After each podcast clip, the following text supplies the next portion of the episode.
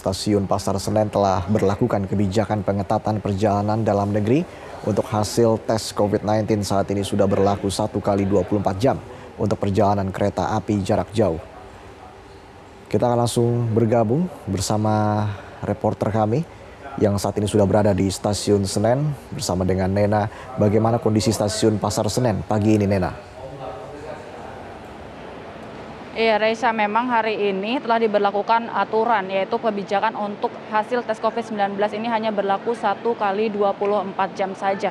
Dan memang untuk stasiun Pasar Senen ini menerapkan kebijakan ini sesuai dengan adendum surat edaran Satgas Penanganan COVID-19 nomor 13 tahun 2021 dan surat edaran Kemenhub nomor 35 tahun 2021 tentang pengetatan perjalanan dalam negeri dengan menggunakan moda transportasi kereta api. Dan mulai kemarin tanggal 24 April hingga 5 Mei dan 18 Mei hingga 24 Mei ini PT KAI Daop 1 memberlakukan hasil tes COVID-19 untuk e, sebagai syarat perjalanan kereta api jarak jauh ini hanya satu kali 24 jam saja.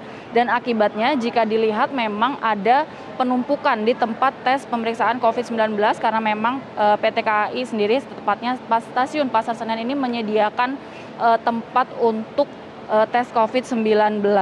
Dan jika dilihat uh, ini ramai karena terkait perubahan kebijakan ini karena sebelumnya untuk hasil tes COVID-19 ini berlaku 3 kali 24 jam dan masing-masing uh, calon penumpang ini dihimbau untuk melakukan tes COVID-19 minimal satu atau dua hari sebelumnya.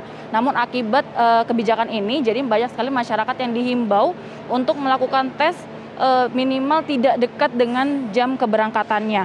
Dan untuk lonjakan penumpang sendiri sampai saat ini belum ada lonjakan penumpang karena memang jika dibandingkan dengan pekan-pekan sebelumnya, ini stasiun Pasar Senen memberangkatkan 15 kereta api dengan total penumpang sekitar 3.100 dan untuk Pasar Senen ini ada eh, 1.800 dari total 13 kereta api. Dan untuk hari ini ada 16 kereta api dengan total 2.700 penumpang. Reisa. Iya Nena, seperti apa sebenarnya aturan perjalanan jarak jauh menggunakan kereta api jarak jauh dari stasiun Pasar Senen? Iya, untuk uh, peraturannya sendiri memang sesuai dengan surat adendum, surat edaran Satgas COVID-19 nomor 13 dan surat uh, edaran Kementerian Perhubungan nomor 35 ini menjelaskan bahwa perjalanan syarat perjalanan ini wajib untuk melampirkan tes hasil COVID-19 yang berlaku satu kali 24 jam.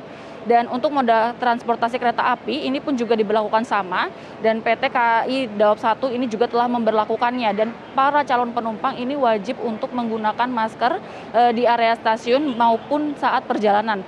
Dan PT KAI juga telah menyediakan face shield dan ini juga wajib digunakan. Dan untuk uh, keberangkatan pada penyediaan mudik ini hanya boleh diberangkatkan bagi orang yang memiliki kepentingan dan KAI hanya memberangkatkan kereta luar biasa. Mulai hari ini pemerintah secara resmi melarang warga negara asing asal India masuk ke Indonesia. Pemerintah juga menyetop pemberian visa bagi WNA yang pernah tinggal atau mengunjungi India. Informasi selengkapnya kita bergabung dengan rekan Yunia Harsari langsung dari Bandara Suta, Tangerang, Banten. Yunia, apakah masih ada potensi WNA asal India masuk ke Indonesia? Lalu apa saja syarat dan juga kebijakan yang diberlakukan kantor kesehatan pelabuhan bandara jika ada pendatang asal India yang diizinkan masuk ke Indonesia?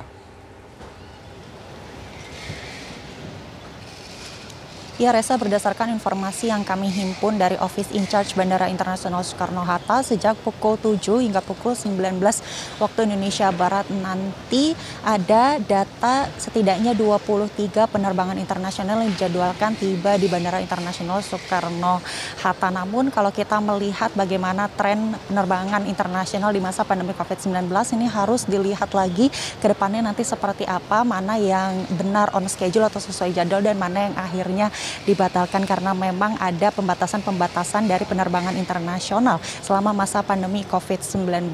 Kendati demikian berapapun jumlah penerbangan internasional yang nantinya akan tiba di Bandara Internasional Soekarno-Hatta, pihak Bandara Internasional Soekarno-Hatta yang kini sudah bekerja sama dengan pihak imigrasi dan ini juga kantor kesehatan pelabuhan Kementerian Kesehatan harus secara cermat melihat apakah masih ada warga negara asing asal India yang mencoba untuk masuk ke Indonesia karena memang itu juga sudah tidak boleh.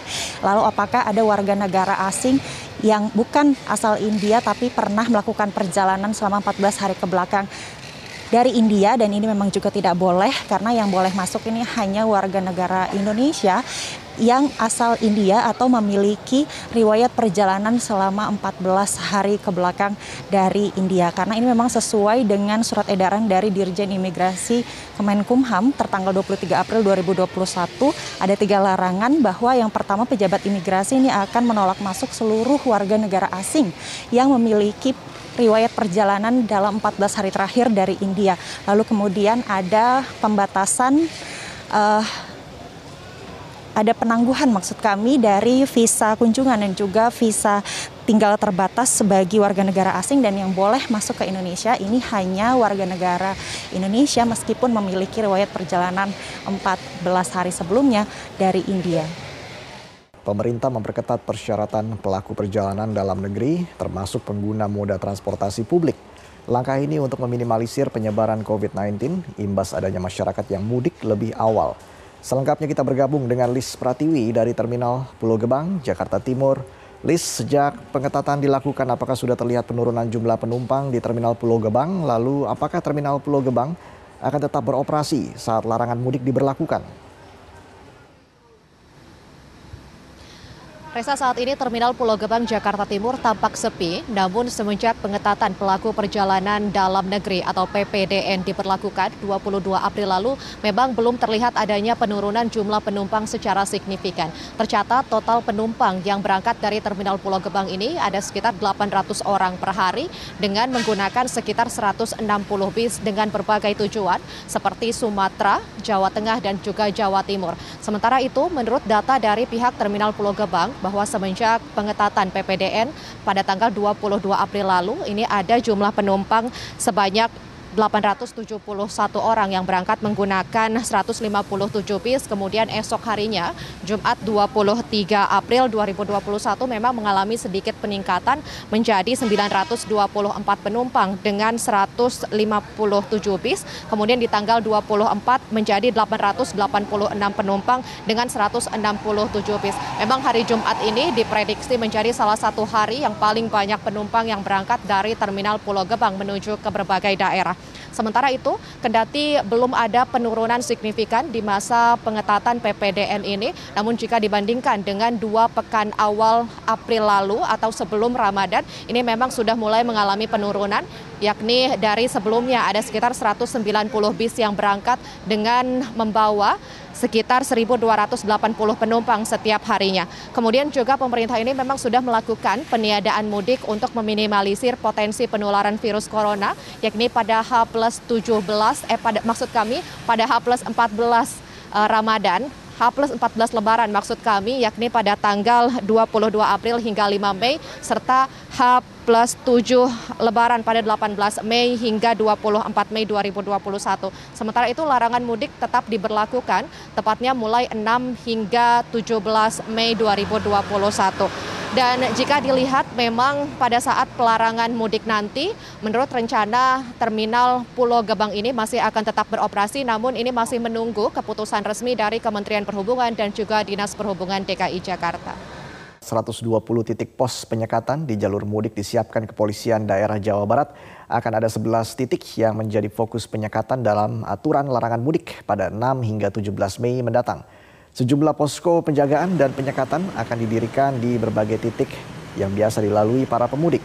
Polda Jabar melakukan penyekatan di 120 titik jalur mudik mulai dari tol maupun jalur arteri.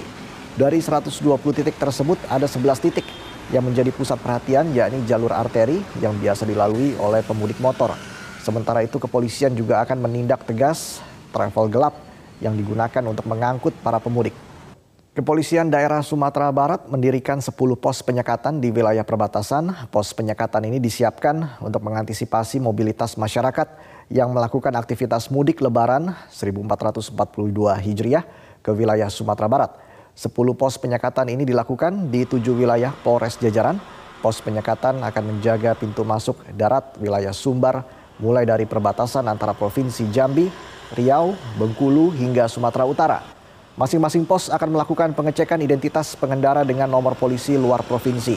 Bagi pengendara yang datang dari luar provinsi akan diminta balik arah dan dilarang masuk kecuali mobil sembako dan BBM. Aturan ini sudah mulai diterapkan di sejumlah perbatasan sejak hari ini hingga tanggal 17 Mei nanti.